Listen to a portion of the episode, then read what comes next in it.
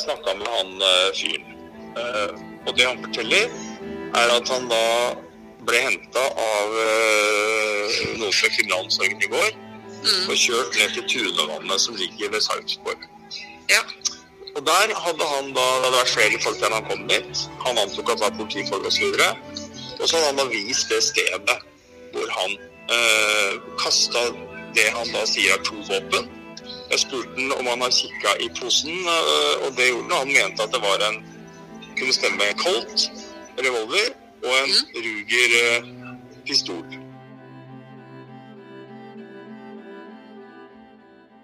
Produsent Vilde og jeg sitter på hvert vårt hjemmekontor når Øystein ringer. For en stund tilbake fikk han et tips i forbindelse med Orderud-saken. Det handla om våpen. De to skytevåpnene som blei brukt under trippeldrapet i 1999, er jo ikke funnet. Så alt om dem er interessant. En kaliber 38 Colt revolver og en kaliber 22 Ruger pistol. Øystein har holdt kontakt med denne tipseren, og nå, nå skjer det noe. Og dette gjorde han i 1998 eller 1999. Uh, han huska ikke helt, han var en impulsiv fyr på den tida, så år og tidspunkter og sånn, det gikk litt i surr. Men han sier jo at han har fått beskjed om av han han fikk våpna av, i ettertid at det var ordrevåpna. Da han fikk beskjed om å kaste dem, så var det bare Du må kvitte deg med Du må kaste disse våpna for meg. Her er de, liksom. Gjør det. Og så gjorde han det. Uh, og så fikk han da beskjed etterpå at uh, det var ordrevåpna. Da ble han forbanna, han uh, kilden, da. Ja, Hvis det var i 1998, så kan du ikke ha vært i våpna, da?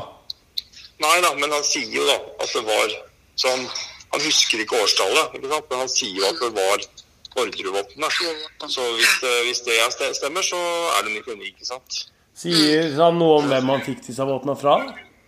Ja, han navngir en mann han fikk de fra, og de kom fra Molde. Uh, og at han som han fikk våpna fra, hadde en fetter som de kom fra.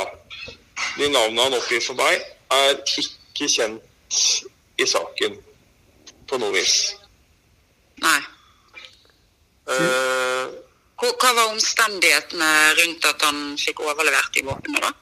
Bare beskjed, en telefon, nei, en, en pose. Bare sånn Sørg for at disse her aldri blir funnet. Okay. Hvorfor valgte han akkurat uh, det vannet nede i Østfold, da? Ja, Det fikk jeg ikke spurt noe om. Han sitter jo i fengsel, så det er litt sånn uh, Ikke så lett å ta opp på telefonen. Nei. Men um, vet du noe om politiet skal gjøre noe søk der nå, da? Det visste ikke han, men det antok han. Skal jeg hive meg i bilen og dra ned dit, eller? Ja. Det, det høres lurt ut. Jeg fikk en veldig god angivelse. Jeg har sendt dere det på kart. Ja. Ja, det ligger jo veldig enkelt til. Han snakker om Siv nedfor den kiosken. Dere ser Tune kirke. Og så ser vi en kiosk, en parkeringsplass, og da snakka han om at det var inni bukta der med noe siv og noe greier som han hadde øh, anvist. Ja, for det er liksom det kjempeenkelt. Ja, for det er på siden av den stranden der, ser det ut som. Ja. Ja. ja. Men det er fint, da. Det tar meg en eh, ja, times tid. Ja, tre kvarter, så er jeg der. Mm. Ok, topp. Veldig bra. Da, blir, da venter vi i spenning. Absolutt.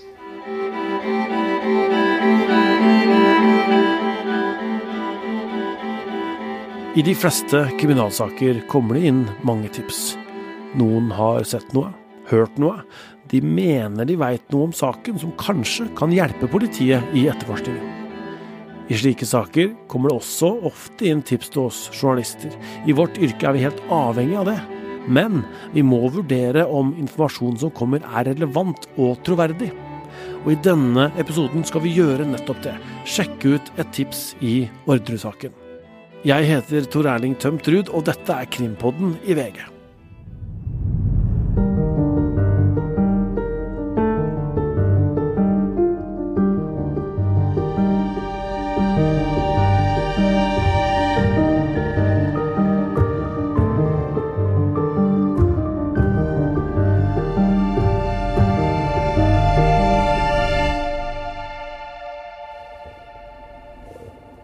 Jeg setter meg i bilen og drar sørover i Østfold. Gjennom Trøsken, en snarvei ned til Sarpsborg. Jeg skal til et stort vann der som heter Tunevannet. Her finner man også den litt ekle tuneflua som flyr rundt i området i perioder. Den som ganske aggressivt biter både dyr og mennesker om de får lov. Øystein har sendt meg kart. Nå står jeg ved da Tunevannet. Her er det jo en stor eh, park, egentlig, rett eh, på nedsida av Tune kirke her ligger jo da Grålum, og så ligger jo politihuset er jo ikke så veldig langt herfra. Det er jo et svært eh, nytt politisenter, egentlig, som ikke var her da den gangen, vel, dette skjedde. Men her er det jo et sted hvor, hvor veldig mange er og går tur og ja, bader om sommeren og sånt, da. Men nå er det helt stille her. Det er ikke så mange som er her nå, gitt. Selv om det er veldig fint vær, da. Det skjer ingenting eh, når jeg er der. Bare et par turgåere som, som, går forbi. Kanskje er det feil dag. Kanskje skjer det noe seinere. Men på neset her så er det noe siv på den ene sida. Og så er det en lang badeplass, egentlig, med brygger og flytebrygger og et stuptårn der nede. Og en stor plen, da. Så her er det jo et veldig koselig sted å, å være. Dagen etter ringer Øystein tipseren som sitter i fengsel. Han ønsker å bli kalt Mr. X, men VG veit hans virkelige navn. Kan ikke du bare begynne å fortelle litt om, um, om uh, hva som har skjedd?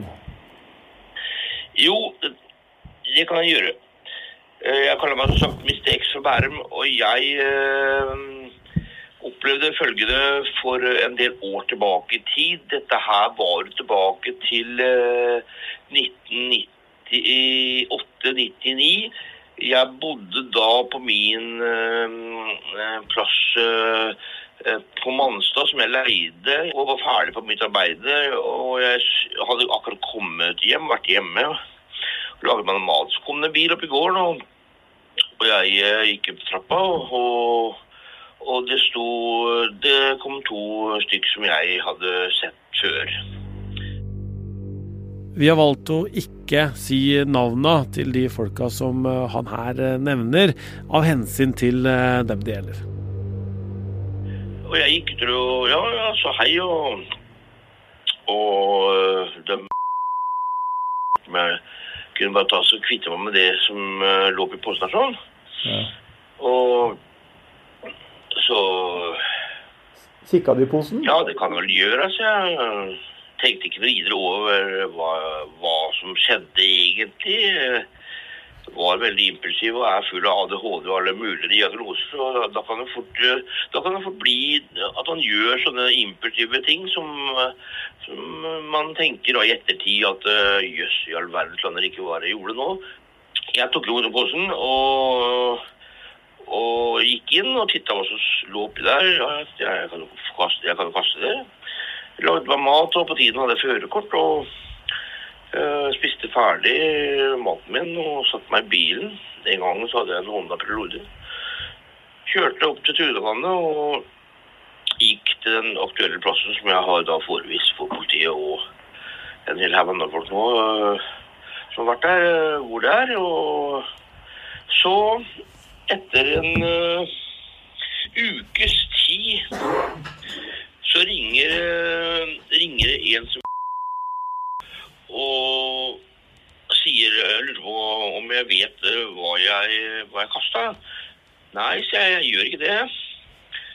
Og så sier han til meg da at du har, du har, du har jo kasta de våta som ble brukt på Orderud gård.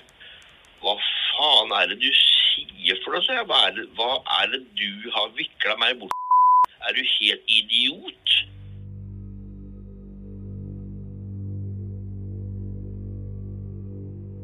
Mr. X forklarer at dårlig helse og noe impulsivitet også har spilt inn på hvorfor han ikke har fortalt dette før. Men du, eh, du sa jo til meg i går at eh, du på et tidspunkt kikka ned i posen. Ja. Når var det du kikka i posen? Jeg kikka ned i posen da jeg kom inn i huset og bilen hadde kjørt. Hva var det du så da? Eh, som jeg sa tidligere, jeg har eh, hadde lang erfaring med våpen. Hele familien er skyttere. og Jeg har skutt mye lovlig, så var onkelen min. og Det, det jeg så, det var en 38 kaliber kortløpa revolver. Og så var en, var en merke jeg er usikker på, mest sannsynlig Smith Wesson. Og så så jeg en Ruger halvautomatisk eh, 22 kaliber. Var det magasin i den rugeren? Det husker jeg ikke om det var Jeg kommer trykke forbi B. Eller ikke. Jeg dønn ærlig, det husker jeg ikke.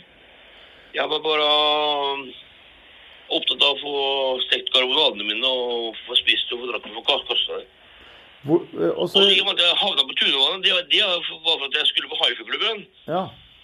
Og så uh, se på noen og Det var derfor det, var helt tilfeldig at, det, at jeg havna oppi der. Det kunne vært hvor som helst. Nå har Mr. X vært ute ved Tunevannet for å vise politiet plassen der han mener han kasta våpnene. Fortell, eh, fortell fra A til Å hva som skjedde når du ble henta i fengselet for to dager siden. Før det da, så kom det jo to politimenn opp her. Ja. for, for en stund tilbake. Og så har det gått, tiden har gått nå, så kom det jo Hva var det de, hva, hva, hva, hva var det de politifolka lurte på? Det, det var jo samme greiene. Ja. Ja. Og så Og, og så kommer jo, får jeg beskjed på kollegen at eh, de eh, kom eh, i går. Eller, ja, var det ikke i går? Jo, det var vel i går, vel? Jo. tirsdag. Ja, forrige dag. Ja, ja, ja, ja, ja, ja, ja. ja. Og da mm, For jeg sa til dem første som var her, skal jeg klare å peke ut den plassen, så må jeg vise, så, så må jeg på en befaring ned der. Og så er det forutsatt at ikke det er gjort store omgjøringer i området, for da er jeg sjanseløs. Da er det ikke så lett for meg å peke ut den, den plassen. Og det sa jeg til dem. Og, og så kom de jo opp og henta meg, da, og vi kjørte dit ned. Og Ja. det var jo vært gjort store omgjøringer på plassen her. Men jeg tror det at jeg, jeg har øh, Jeg tror at jeg har klart å peke ut innen rekkevidde på Jeg sa til dama at øh, ta utgangspunkt i her jeg står nå. Ti meter der meg igjen, og ti meter der meg igjen. Og ti meter fra strandkanten og ut i en firkant. Da er du, da, da er du der. Da, der, der ligger de. Ok, så hva skjer da når politiet får inn et sånt tips? I noen saker så kommer det inn veldig mye også. En del av jobben er da å sile, vurdere og sjekke, og det har de tydeligvis gjort her da, med dette tipset vi har. For det går ikke lang tid før noen er på plass ved Tunevannet og skal gjennomføre søk i vannet.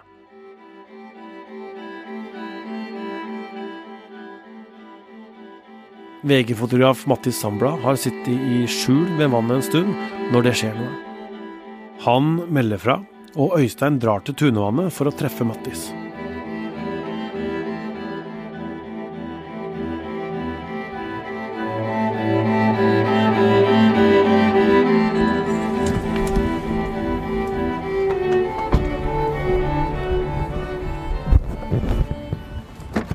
Hei, Ja, Hei! Hva skjer?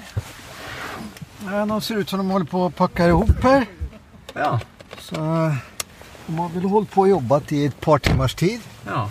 Først var det jo et selskap som var her som heter et eller annet som holder på med hva heter det, sjøbunnskartlegging og inspeksjon. Mm. Og de var ferdige klockan 12.37.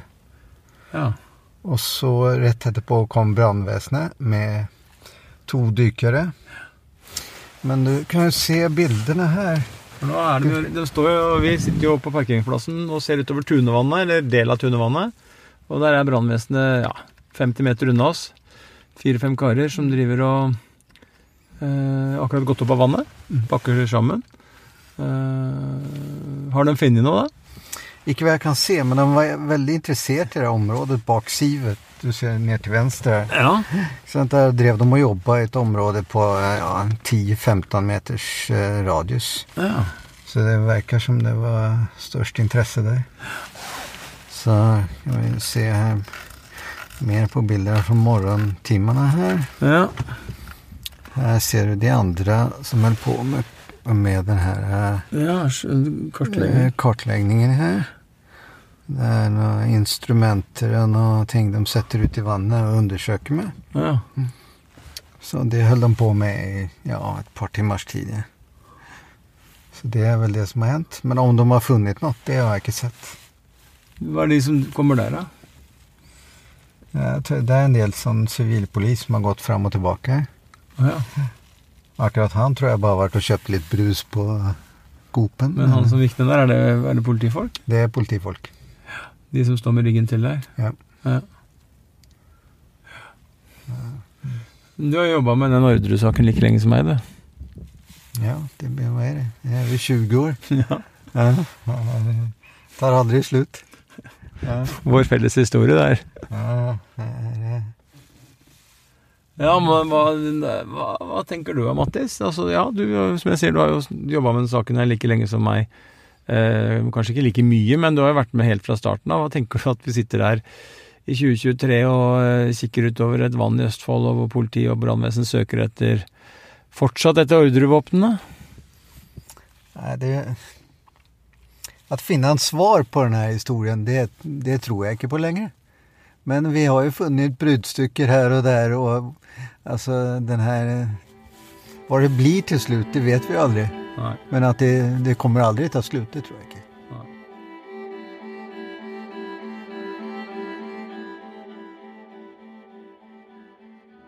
Tipset har ført til at eh, dykkere er der med metalldetektor for å se om det kan ha vært kasta ut våpen på dette stedet for snart 25 år siden. Det er statsadvokat i Oslo, Sturla Henriksbø, som har ansvaret for å følge opp Orderud-saken nå. Og du har hørt han i de episodene om gjenåpningsbegjæringene til Per og Veronica Orderud, der han argumenterer for hvorfor saken ikke bør tas opp igjen. De to drapsvåpnene er altså ikke funnet. Det ene mener politiet stammer fra et våpentyveri i Molde, der seks Ruger-pistoler ble borte fra Fannefjord pistolklubb. Fire av dem har politiet kontroll på, men pistolen som ble brukt under drapene på Orderud gård, og ett til, mangler fortsatt. Hva tenker du om at eh, et sånt type tips i 2023 fører til at eh, man gjør nye undersøkelser?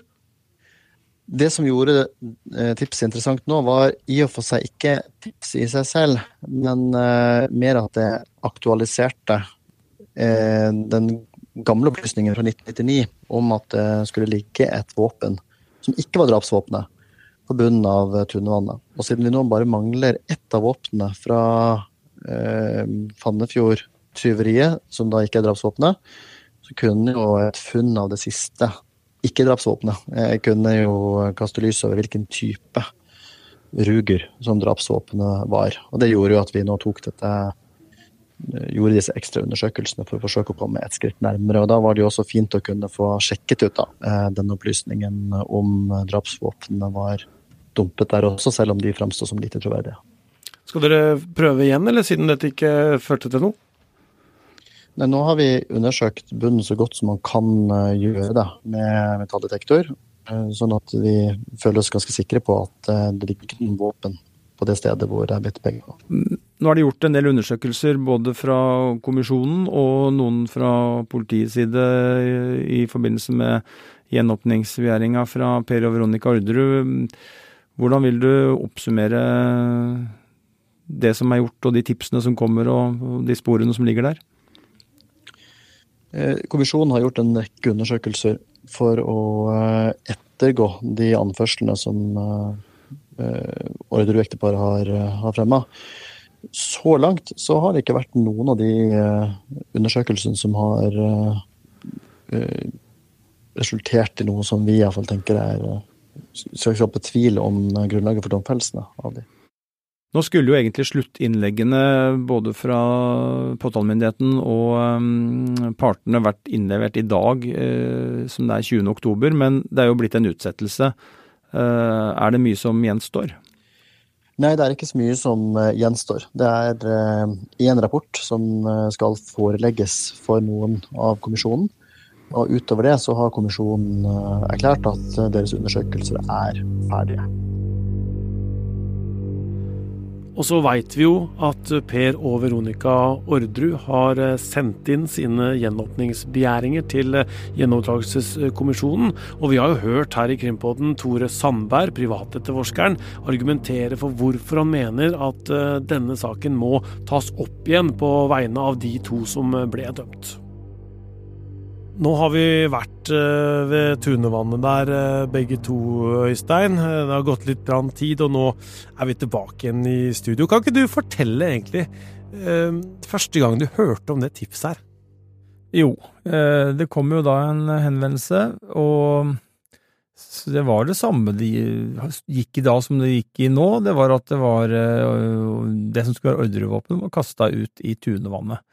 Jeg eh, var ikke sånn kjempegira, må jeg innrømme, og det er fordi at det der og da ikke var noen uh, umiddelbar um, sammentreff mellom um, alt det som ligger i ordrematerialet og det tipset. Uh, og det at man skulle Det kom liksom litt fra venstre, dette her? Ja, også det, ikke sant. Hvorfor kommer det opp nå så lenge etterpå? Hvis de skulle vært kasta der, ligger det fortsatt der? Uh, det har jeg vært ute på mange forskjellige spor og mange forskjellige søk i denne saken. Både i, tilbake igjen i eh, ja, 1990, eller i hvert fall 2000, 2001, og um, ja, vi har vært og dykka en gang i Heiavannet i VGs regi, eh, etter et tips vi fikk en gang for mange, mange, mange år siden. Jeg har vært ute og trava gått og kikka i terrenget, og ja, det har vært mye forskjellige ting, og det gjør jo at man blir litt sånn eh, nedstemt og tenker at eh, nei, det er ikke noe å hente.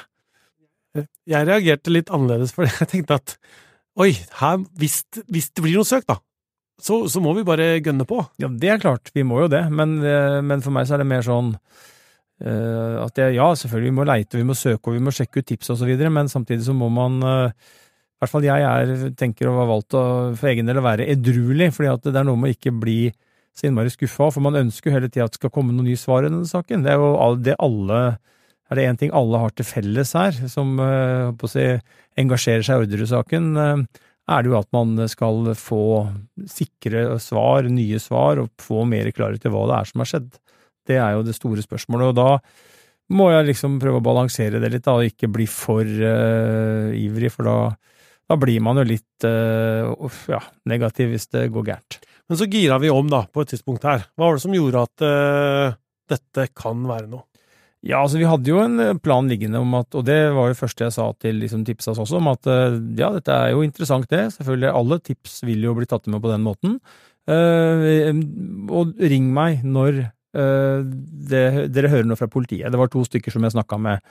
Uh, det var han som kalles Mr. X hos oss, eller kaller seg for det, og så var det og så var det kompisen hans. Så jeg sa jo det at ja, men noterte jo alt hva det, eller det de hadde å si. Jeg tok mot historien, og så ba jeg dem ringe hvis politiet kontakta dem. Og så gjorde de jo det, da.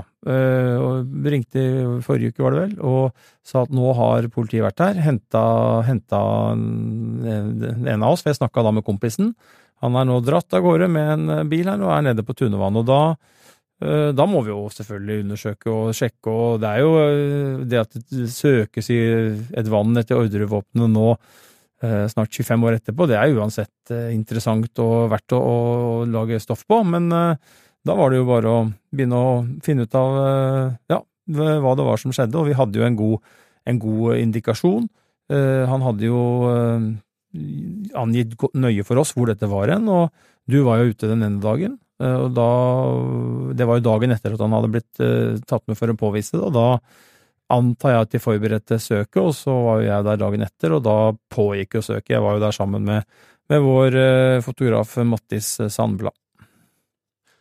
Og så er det jo da veldig, veldig spennende, da, ikke sant. Du har dykkere i vannet, de har metalldetektorer med seg, og så kommer de opp igjen, og så finner de ingenting.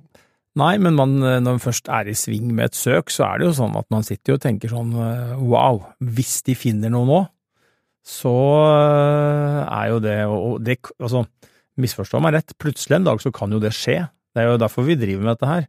Eh, men samtidig, som jeg var inne på, så må i hvert fall jeg for egen del ha litt sånn bremsen på. Men i det øyeblikk man skulle finne noe, så er det jo, så er det jo uhyre interessant. Eh, og ja, det Vi har jo akkurat opplevd nå at det har kommet nye funn da, i Orderud-saken. Dette DNA-treffet på denne teipen som, eh, fra Kristin Kirkemo på, på, det som kalles attentatforsøk 1. Så det viser jo at det er jo fullt mulig. Det er jo ikke sånn at man og ja, som jeg var inne på, man, man, vi har ikke gitt opp, og man kan ikke gi opp, men det handler om å ha, kanskje ha litt to tanker i hodet samtidig når man driver en bransjen her, som ikke man blir for blir for For de fleste, de fleste søk og, og en god del tips viser seg jo å være av ulike grunner negative. Eh, og da er det greit å ha det bakhodet, så man ikke liksom er eh, opp i hundre hver gang eh, og må ned igjen like fort. For det er det som er med tips, er at det kommer veldig mange av dem til politiet, og også til oss i, i VG, og vi må jo egentlig bare si at det er vi fullt avhengig av. Absolutt, og derfor så sjekkes det jo og jobbes det ut, sånn som vi har gjort med dette. Men, eh, men eh, så det når jeg sier at jeg er litt sånn tilbakeholden, så handler ikke det om å ikke ville ta imot tips, men det handler om å, hvor mye sånn eh, tro jeg legger i det for egen del på at ting skal gå inn. Jeg tenker jeg har som en grunnregel at det er bedre å være litt skeptisk og heller bli overraska positivt når det er treff, som jo også skjer, enn å på en måte tro at alle tips som kommer, stemmer, og så viser det seg at de fleste ikke gjør det. Og det har litt med sånn journalistisk Eh, kritisk sans å gjøre også. For hvis man hopper på og tenker at alle tips og alt som sies eh, er korrekt og, medfører ja, riktighet på alle, alle nivåer, så, så, går man seg jo vill sånn rent journalistisk også. Så det er litt sånn, det er litt sånn eh, de hensynene der også. Jeg tror det er omtrent de samme hensynene som politiet tar, faktisk. For du må vel ha noe informasjon eller en indikasjon eller noe annet da, enn selve tipset som gjør at det kan verifiseres, eller i hvert fall tyde på at det kan være noe, da. Det handler om mange ting. Da. Det handler om, eh, om uh, hukommelse. Eh, folk husker jo dårlig bare etter noen dager, for ikke å snakke om uker. Og nå her er vi da på mange, mange år. Og uh, ja, vi har vært i ulike andre saker også, hvor vi ser at vitners erindring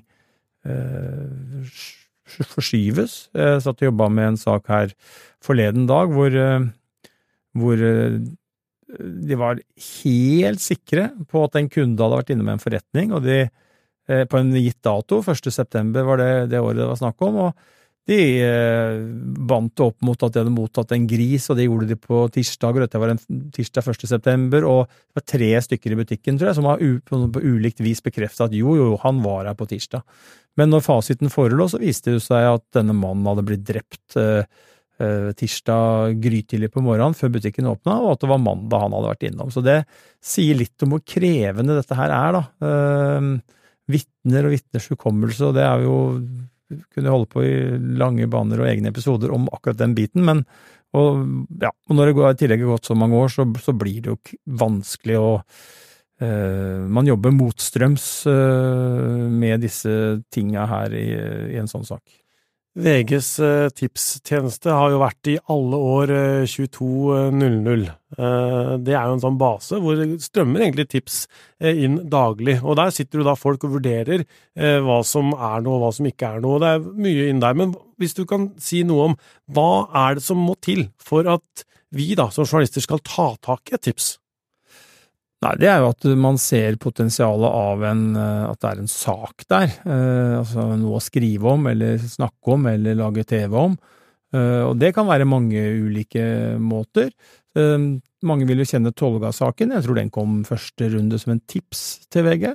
Eh, det kommer tips om hendelsesnyheter, om at nå er politiet utafor stort politioppbud i, i Kabelvåg. Nå er det hørt at en uh, kommunal leder har uh, gjort sånn eller sånn. nå har jeg hørt at en norsk skuespiller har fått en kjemperolle. Altså det, det, det, er tips. Det kommer i bøtter og spann, og det er vi helt avhengig av, og det er jeg veldig glad for. og Derfor så bruker vi mye ressurser, som du sier, på å ettergå tips, sjekke tips, kontakte tipsere. Nettopp, og det er jo én ting, vi må kontakte tipsere. Eh, en annen ting er at vi må kunne sjekke det. Altså, det må være noe som faktisk kan sjekkes. At det er noen vi kan eh, undersøke eller ringe til. da. Ja, og det er det jo i mange sammenhenger, at man kan gå videre på tips. Men det må inneholde noe konkret, ja. Hvis du ringer til VG og sier at jeg har hørt at ordrevåpenet ligger et eller annet sted på Østlandet i et eller annet mellomstort vann og er lagt der av en eller annen fyr som hadde en tilknytning til et eller annet idrettslag, så sier det seg sjøl. Ganske vanskelig. Umulig å Umulig. undersøke. Helt umulig. Men eh, derfor så er vi jo avhengig av konkret informasjon. Men det er det jo veldig ofte i tipsene, og da går det an å sjekke det. Eh, Og da er jo Og noen tenker jo det kanskje at det liksom det at hvis tips ikke stemmer, så er det et dårlig tips. Det vil jeg jo absolutt ikke si at det er. Eh, Det er mange grunner til at tips ikke behøver å stemme. Mange grunner til at vi også ikke lager saker, selv om det er tips som stemmer. Eh, Så der er det liksom ikke noe Vi er glade for alle tips og sjekker eh, så langt vi kan. Bruker masse ressurser på det, og av og til så er det mm, treff. Og, det, og som jeg var inne på, de aller, aller største sakene i VG gjennom et år, eller flere år òg, kan komme og ha kommet opp gjennom tidene gjennom tips. Nå fant ikke eh, dykkerne i Tunevannet eh, noe med, som ligna i hvert fall på våpen med den eh, metalldetektoren sin. Eh, hva skal vi si om det, da?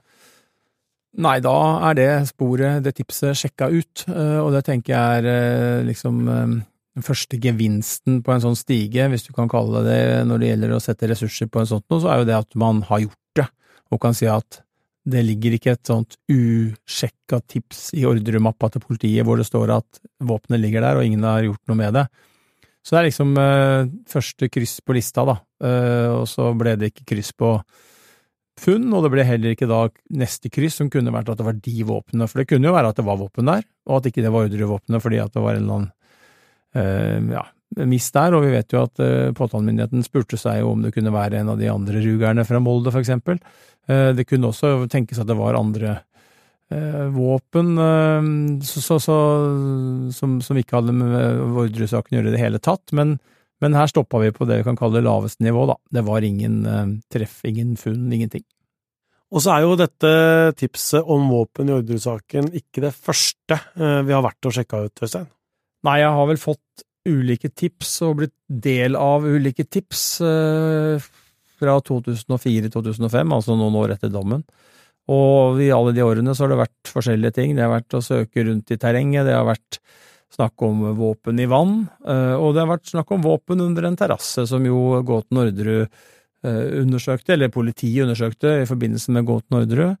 Og så har det vært noen folk som har ringt meg og tatt kontakt med meg, og som sier at de sitter med viktig informasjon eh, i Orderud-saken. Konkret informasjon om roller, om ting som skal ha foregått. Det har blitt jobba med.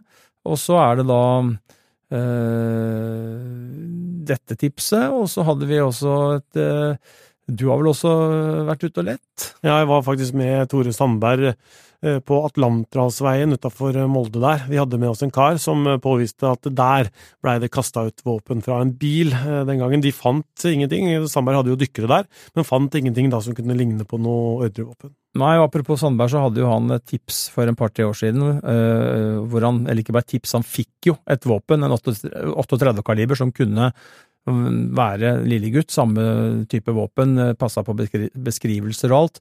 Eh, og da fikk jeg skikkelig puls, for det trodde jeg at det var eh, Jeg trodde det var stor sjanse Og da fikk jeg skikkelig puls, for jeg trodde og tenkte at dette med stor sannsynlighet kunne være lillegutt. Og det handler blant annet om at våpenet kom fra Vestfold, Holmestrand-distriktet, ble levert derfra. Og jeg vet gjennom eh, dokumentene i Ulderud-saken at det har jo påstander og opplysninger om at Grønnerød har vært eller var i Holmestrand før og eller etter drapene før han ble pågrepet.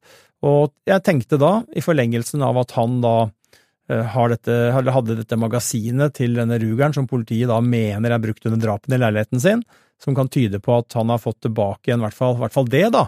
Eh, Og så hevder jo han at Kristin Kirkemo har satt det der, mens Kristin Kirkemo avviser det. Men uansett, det er i hvert fall kommet til leiligheten til Grønnerød, og da tenkte jeg også at eh, alt, alt eh, oppsummert der, så tenkte jeg at sannsynligheten for at han kanskje hadde fått tilbake lillegutt også, kunne være til stede, og at det var spora opp da den veien som jeg var inne på. Men det viste seg jo også være et eh, bokstavelig talt bomskudd.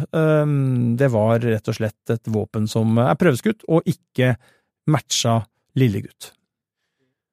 Det at det finnes to våpen der ute som ble brukt i kårboligen på Orderud gård, eh, som ikke er funnet, det gjør jo også at, at det blir sånn myteomspunnet, og at liksom folk har historier om dette. da. Absolutt, og det mm, kommer nok til å på å si vare til evig tid, all den tid man ikke får svar. Så kommer det til å komme Kanskje med litt mm, sjeldnere etter hvert, men, men ordresaken kommer jo ikke til å falle til ro uansett utfall i kommisjonen. Så kommer jo ikke den til å forsvinne og bli ute av offentligheten for godt på lang, lang tid, tror jeg.